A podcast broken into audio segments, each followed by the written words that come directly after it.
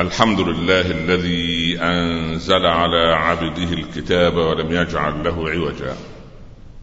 سبحانه له دعوة الحق حرص عليها وأوجب التبشير بها ولتكن منكم أمة يدعون إلى الخير ويأمرون بالمعروف وينهون عن المنكر وأولئك هم المفلحون. وأشهد أن لا إله إلا الله وحده لا شريك له وضع الحجة وأتم المحجة ويأبى الله إلا أن يتم نوره ولو كره الكافرون. وأشهد أن سيدنا وحبيبنا محمدا رسول الله. بلغ الرسالة وأدى الأمانة ونصح الأمة وكشف الغمة وجاهد في الله حق جهاده حتى أتاه اليقين. صل اللهم عليه وعلى آله وأصحابه وأزواجه وأتباعه الذين آمنوا ولم يلبسوا إيمانهم بظلم أولئك لهم الأمن وهم مهتدون. أما بعد أيها الإخوة المسلمون عندما وطئت أقدام حبيبنا صلى الله عليه وسلم أرض يثرب التي أصبحت المدينة المنورة قام بأمور أربعة هي أساس عالمنا الإسلامي. أصلح بين الأوس والخزرج واخى بين المهاجرين والأنصار وأمر ببناء المسجد وأمر ببناء السوق وقال ابن السوق ولا تتركوه لليهود. هذه معالم المجتمع الإسلامي من جوانبه الأربعة التي فقهها أعظم عقل عرفه التاريخ إلى أن يرث الله الأرض ومن عليها صلى الله عليه وسلم. أصلح بين الأوس والخزرج حتى تكون اللحمه الاجتماعية بين الناس مقامة على الحب وعلى الود حتى يتبخر الكره وتتبخر البغضاء ويحل أو تحل المحبة بين الناس فسموا الخياط مع الأحباب ميدان. الدنيا على سعتها لا تسع متباغضين اثنين وثقب الإبرة يسع المتحابين في الله. ثم اخى ما بين المهاجرين والأنصار حتى تتحقق الأخوة الإسلامية إنما المؤمنون إخوة حتى يأتي تلاميذه من بعد ليطرق باب أمير المؤمنين معاوية رجل ويقول الحارس لأمير المؤمنين إن أخاك بالباب فسأله هل هو زياد؟ قال لا يا أمير المؤمنين أنا أعرف زيادا. قال أدخله. فدخل الرجل. فتطلع فيه معاوية فما عرفه. قال من أنت؟ قال أنا أخوك. قال من لدن من؟ قال من لدن آدم؟ قال معاوية رحم مقطوعة سأصلها الآن إن شاء الله. فاعتبر الرجل أن أخوتنا لبنوتنا لآدم إنما المؤمنون إخوة فكان الصحابي من الأنصار يعرض بيتا ويعرض حديقة ويعرض مالا على أخيه المهاجر ولكن الآخر يرفض حتى إن عبد الرحمن بن عوف هاجر ولا يملك إلا أربعة دنانير رغم أنه كان ثريا في مكة لكن أمه أخذت كل أمواله. فلما أراد عبد الرحمن ألا يأخذ من أخيه الأنصاري شيئا قال له بل دلني على السوق. قال أين تذهب؟ والسوق قد أخذه اليهود. قال عبد الرحمن إن الرسول صلى الله عليه وسلم دعا لي اللهم بارك لعبد الرحمن في صفقة يمينه. والله إني أوقن لو وضعت يدي تحت حجر لأخرجت دينارا. دخل ابن عوف إلى السوق ومعه أربعة دنانير. ثم لما غادر هذه الحياة قسمت ورثته التركة فأخذت زوجه الرابعة الزوجة رقم أربعة وهي لها ربع الثمن يعني جزء من 32 جزء من التركة أخذت 2 مليون دينار من الذهب. مالا حلالا من تجارة من حلال بدأها لأن الأخوة في الله وصلت بالصحابة أن الواحد منهم كان يضع التمرة في فم أخيه فيجد حلاوتها في فمه هو. هكذا كانت أخوتهم فآخى بين الأنصار والمهاجرين حتى تكون وحدة القلوب في المجتمع الإسلامي هي التي تحدث التقدم. ثم أمر الأمر الثالث وهو بناء المسجد. هذا هو مصنع الرجال. إن المصنع مصنعان. مصنع يخرج المواد من سجاد ومواد بناء ومأكولات وغير ذلك ومصنع يخرج الرجال في هذا المصنع الثاني وهو الذي يخرج الرجال بني الإسلام على هذه الأركان والعمد التي كانت يمثلها كل صحابي يمثل نسخة مصحفية تتحرك. فتعلم في المسجد رجل كعمر وهو يخطب وهو أمير للمؤمنين تعلم من امرأة يريد عمر أن يحدد المهر. ويقول لا تغالوا في المهور ولا تكثروا عن أربعمائة درهم وقفت له امرأة تصلي يا ابن الخطاب كيف تقول هذا ورب العباد عز وجل إذا أخذ آتيتم إحداهن قنطارا فلا تأخذوا منه شيئا الله عز وجل يقول قنطار وهو ألف درهم وأنت تحدد المهور بأربعمائة درهم فيتبسم عمر ويطأطئ رأسه تواضعا للعلم وتواضعا للحق ويقول قولته الشهيرة التي أصبحت بصمة في التاريخ كله أصابت امرأة وأخطأ عمر لم يكابر ولم يدعي أنه يعرف علما لا يعرفه الغير. هكذا عمر أيضا على المنبر يتعلم عندما قرأ وفاكهة وأبا. إذا بأعرابي يسأله ما هو الأب يا أمير المؤمنين؟ يقول عمر رضي الله عنه هذا في القرآن. أفي المسجد من يجيب؟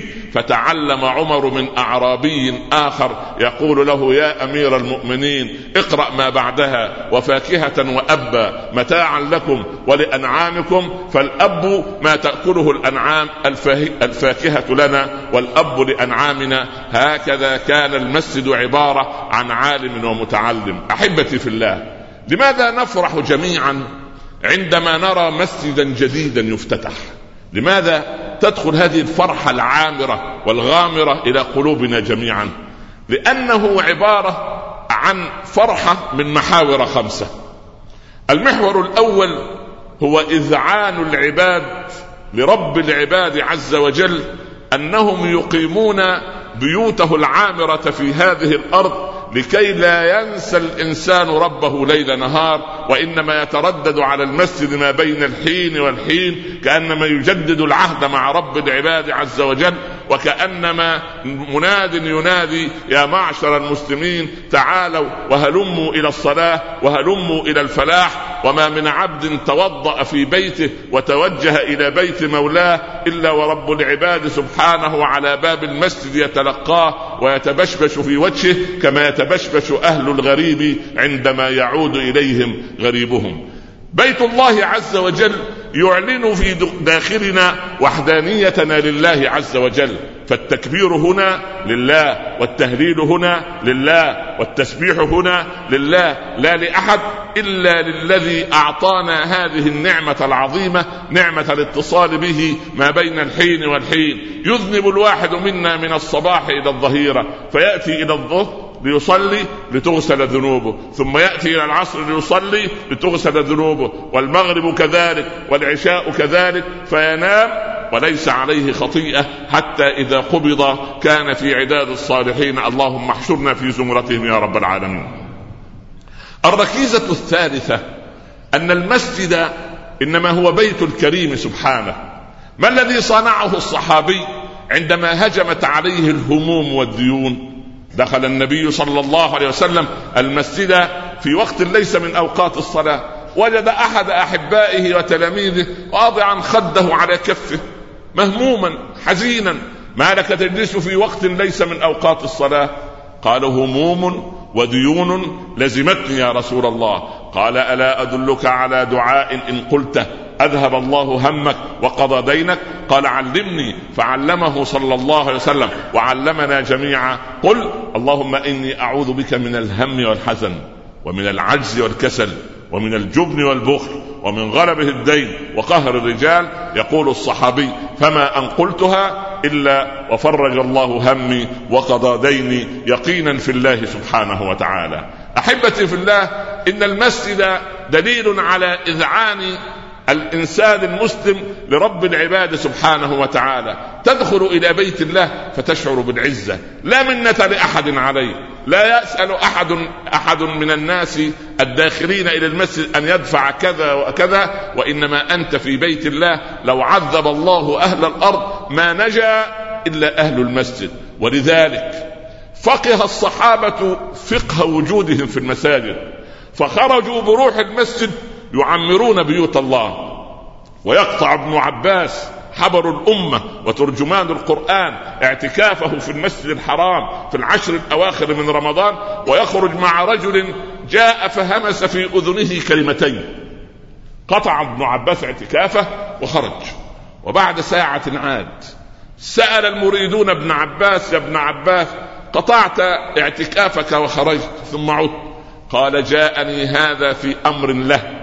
فتذكرت كلام رسول الله صلى الله عليه وسلم لأن تسير في قضاء في قضاء حاجة أخيك المسلم خطوة أو خطوتين. قضيت أم لم تقضى خير لك من أن تعتكف عند الحجر الأسود كذا وكذا أو سبعين سنة كما ورد في رواية أخرى. إن ابن عباس فقه أن تعمير بيت الله ليس يعني اعتزالا للناس وإنما يأخذ ثمرة ما أوجد أو ما وجد فيه في داخل بيت الله لينشر العالم حضارة وتمدنا. إن مئة وثلاثة عشر ألفا صلوا في حجة الوداع خلف النبي صلى الله عليه وسلم يوم خطبته الشهيرة. لما تعمل إحصائية على الذين بقوا في مكة والذين بقوا في المدينة تهولك يهولك العدد. ما هو؟ أن ثلاثة عشر ألفا دفنوا في مكة من الصحابة من هؤلاء المائة وثلاثة ألف. وعشرة آلاف دفنوا بالمدينة. بقي من الصحابة الذين حجوا حجة الوداع تسعون ألفا. لم يدفنوا لا في مكة ولا في المدينة. أين ذهبوا؟ انساحوا في أرض الله عز وجل فبشروا وأخذوا بأيدي العباد إلى طريق رب العباد وأخذوا بأيدي الناس إلى رب الناس لأن المسجد النبوي هو الذي جمع بلالا الحبشي وجمع صهيبا الرومي وسلمان الفارسي وسبحان الله جاء من بعد ذلك الطوائف المختلفة من مشرق الأرض ومغربها وانصهروا جميعا في بوتقة واحدة نتوجه جميعا إلى قبلة واحدة لأن رب العباد من قبل قال لخليله وإذ جعلنا البيت مثابة للناس وأمنا وقلنا إن المثابة هي المرجع وما مرجعنا نحن أن نؤوب إلى بيت الله وإلى هذه القبلة التي يتوجه المسلمون لها خمس مرات في اليوم في كل لحظة وفي كل حين فيفرح المسلم عندما يرى بقعة جديدة يبنى عليها مسجد يعلن المسلمين صلحهم مع رب العباد عز وجل واستمرارا للخير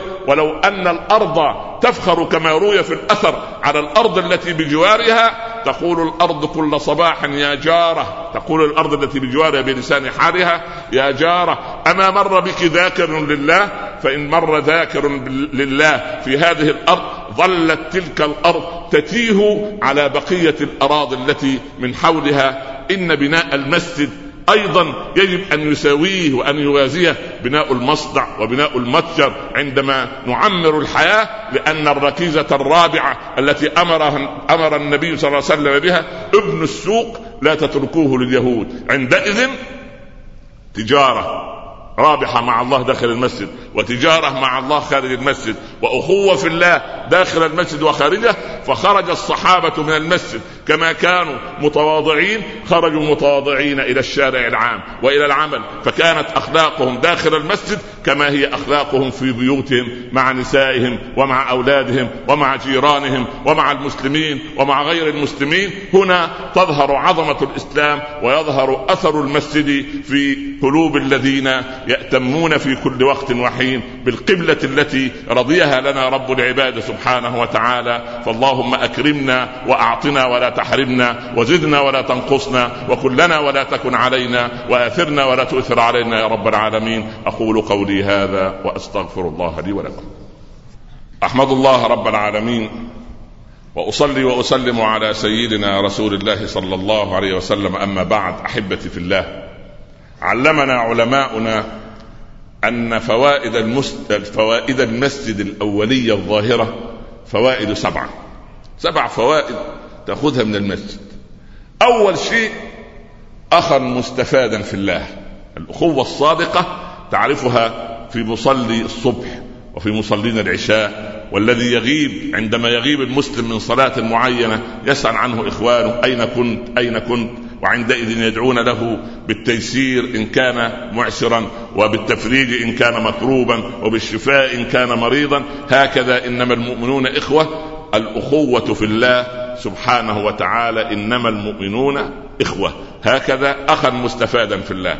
المسألة الثانية والفائدة الثانية العلم الذي يتعلمه الإنسان في بيت الله. يختلف التعليم في أي مكان غير بركة المسجد. لماذا؟ لأن المسجد النبوي ربى فيه النبي صلى الله عليه وسلم اناسا يفاخر رب العباد بهم الملائكة. والمسلم على مر الزمن إن كثرت حسناته أكثر من سيئاته صار عند الله أفضل من الملك وأنت عندما تأتي لبيت الله تصير ملائكيا نزعه لا تأكل لا تشرب لا تتحدث في دنيا إنما تذكر وتسبح وتستغفر وتحمد الله وتكبره وتهلله وتعظمه كما تصنع الملائكة. إن رب العباد عز وجل كما أخبرنا علماؤنا ينظر في قلب الإمام فإن وجده صالحا قبل صلاته وصلاة من خلفه فإن لم يجد قلب الإمام صالحا نظر في قلوب المأمومين فإن وجد فيهم صالحا قبل صلاة الجميع فإن لم يجد لا قلب الإمام ولا قلب المأمومين كأن رب العباد يقول يا عبادي للملائكة انظروا إلى عبادي وقد اصطفوا يصلون كما تصنعون أشهدكم أني غفرت ذنوبهم وقبلت صلاتهم ورضيت عنهم. ولذلك الذي يشكو من السهو في الصلاة والسرحان في الصلاة ما عليه إلا أن يزاحم في صلاة الجماعة فإن صلاة الجماعة مقبولة إن شاء الله كما قال عمر اللهم إني أسألك مواظبة على صلاة جماعة أكفى سهوها وأضمن أجرها. الفائدة الثالثة في المسجد رحمة مستنزلة. فلو عذب الله الكون كله ما نجا إلا القابعون في بيت الله الذين يطبقون داخل بيت الله خارج بيت الله ما رأوه في داخل بيت الله. لا أتواضع في المسجد وأتكبر خارج المسجد. لا اغض البصر داخل المسجد وأجيل البصر خارج المسجد. لا أمسك لساني عن الغيبة والنميمة في المسجد وأطلق لساني خارج المسجد في أعراض الناس. وإنما المؤمن الصادق هو الذي يكون داخل المسجد كخارجه. الفائدة التي تليها والتي علمها علماؤنا أن المؤمن في المسجد كالسمك في الماء إن خرج مات. والمنافق في المسجد كالعصفور في القفص يريد أن يهرب فور أن يفتح له. الفائدة التي تليها كلمة تدلك على هدى أو تمنعك من ردى أو والفائدة التي الأخيرة أن تترك الذنوب خشية أو حياء تقول إن فلان رآني في المسجد فلا يجب أبدا أن يراني على معصية عندئذ يكون المسجد له أثره القوي في قلب المسلم أحبتي في الله ليست القضية في تعمير المسجد فحسب وإنما في أن نخرج هذا التعمير الداخلي وهذا الجمال الذي نراه فيما نبنيه بفضل الله من مساجد أن يرى الناس جمال أخلاقنا وجمال سلوكنا وجمال تصرفاتنا وجمال نظرتنا وجمال كلمتنا وجمال إعطائنا الخير وجمالنا في أن نفتح بيوت الناس وأن نكون مفاتيح خير. لا مغاليق شر. عندئذ تكون رسالة المسجد واضحة جلية. اللهم ارحمنا فإنك بنا راحم.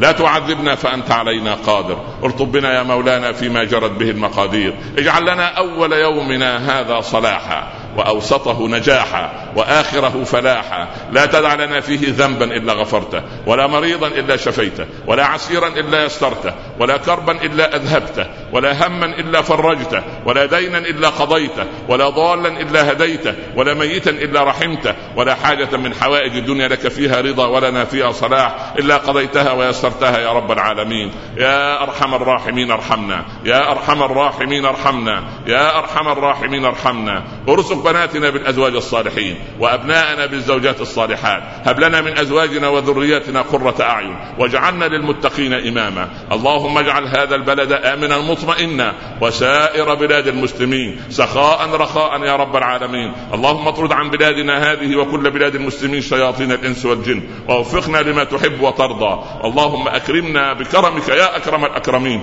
واختم لنا منك بخاتمة السعادة أجمعين. وصلى الله على سيدنا محمد وعلى آله وصحبه وسلم. يا رب تسليما كثيرا. بسم الله الرحمن الرحيم والعصر. إن الإنسان لفي خسر. إلا الذين آمنوا وعملوا الصالحات وتواصوا بالحق وتواصوا بالصبر. صدق الله ومن أصدق من الله قيلا. ونستأذنكم في خمس دقائق بعد الصلاة إن شاء الله. وأقم الصلاة. قوموا إلى صلاتكم يرحمكم الله. أحمد الله رب العالمين وأصلي وأسلم على سيدنا رسول الله صلى الله عليه وسلم. أما بعد أولا يعني الذين قاموا على بناء هذا المسجد. رب العباد هو الذي يجازيهم بالخير إن شاء الله رب العالمين. أيضا أدعو بالخير لهذه اليد الهندسية البارعة التي وضعت بصماتها على آه، هذا المسجد وهذه التحفة المعمارية التي تشعر الإنسان بأنه يجب أن نكرم ونكرم بيت الكريم سبحانه وتعالى ويجب أن يكون هذا الجمال في هذا المسجد داخل قلوبنا أيضا لأننا نريد قلوبا جميلة نريد قلوبا ليس فيها إلا الخير ليس فيها الحقد ولا الحسد ولا الضغينة ولا البغضاء ولا الرياء ولا الكبر ولا العجب وإنما فيها التواضع.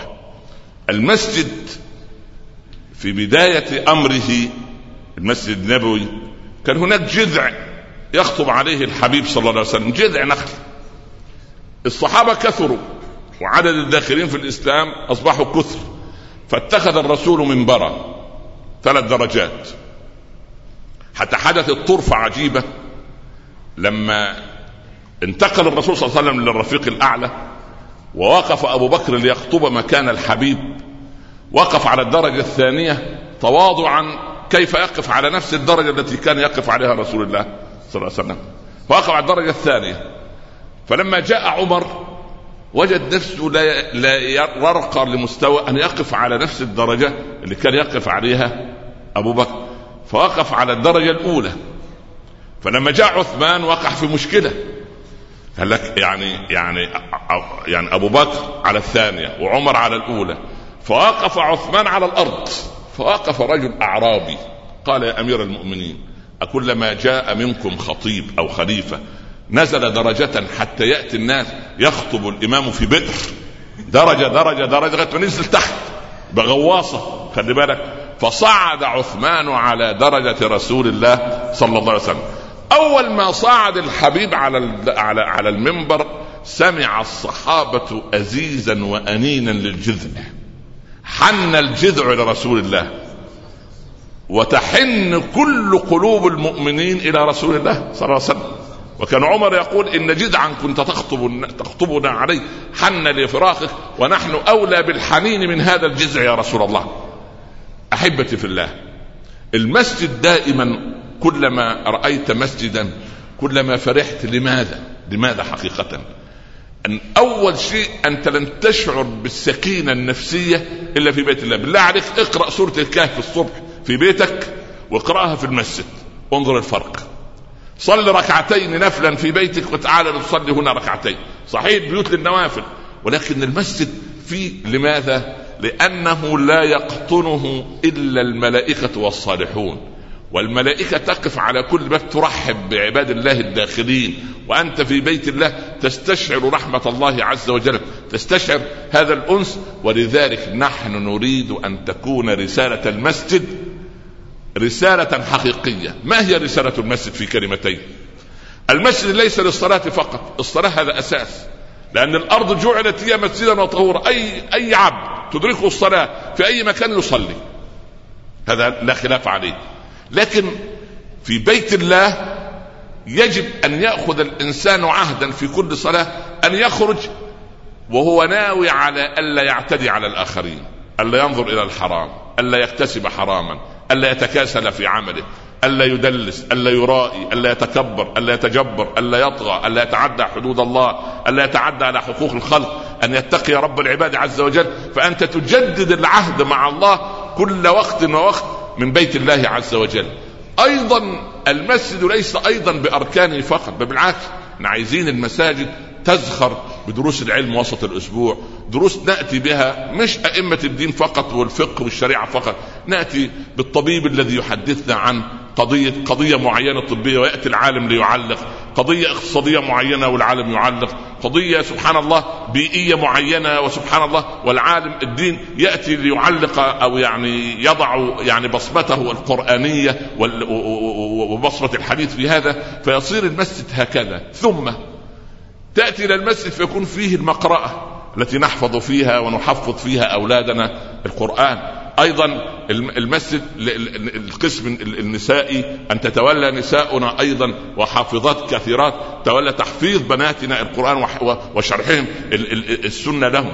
لأن المسجد النبوي كان مكانا للرجال والنساء وكان الرجال يصلون في المسجد النبوي وخلفهم النساء ولا حاجز. لأن الرجال يغضون البصر والنساء أيضا كنا يغضون البصر. فلما كثرت النساء قال عليه الصلاة والسلام هلا جعلتن لهن هذا الباب؟ فجعل باب النساء إلى الآن موجود سبحان الله. ولذلك نحن في المسجد يجب أن نعيد يعني حقيقة المسجد مرة أخرى. ولذلك لما أراد أبو بكر أن يحفظ النسخة الوحيدة في المصحف أين حفظها؟ هل حفظها عند عمر؟ عند عثمان؟ عند بلال؟ ابدا. حفظها عند حفصة. ليقدم لنا معلما كبيرا لأننا لا نريد ابدا أن يعتزل نساؤنا المساجد ويندمجن في الأسواق. لا يعني هذه وتلك. اذا في المسجد يجب أن يوسع الحمد لله في مكان طيب في كل مسجد الآن. هذا من كرم الله عز وجل.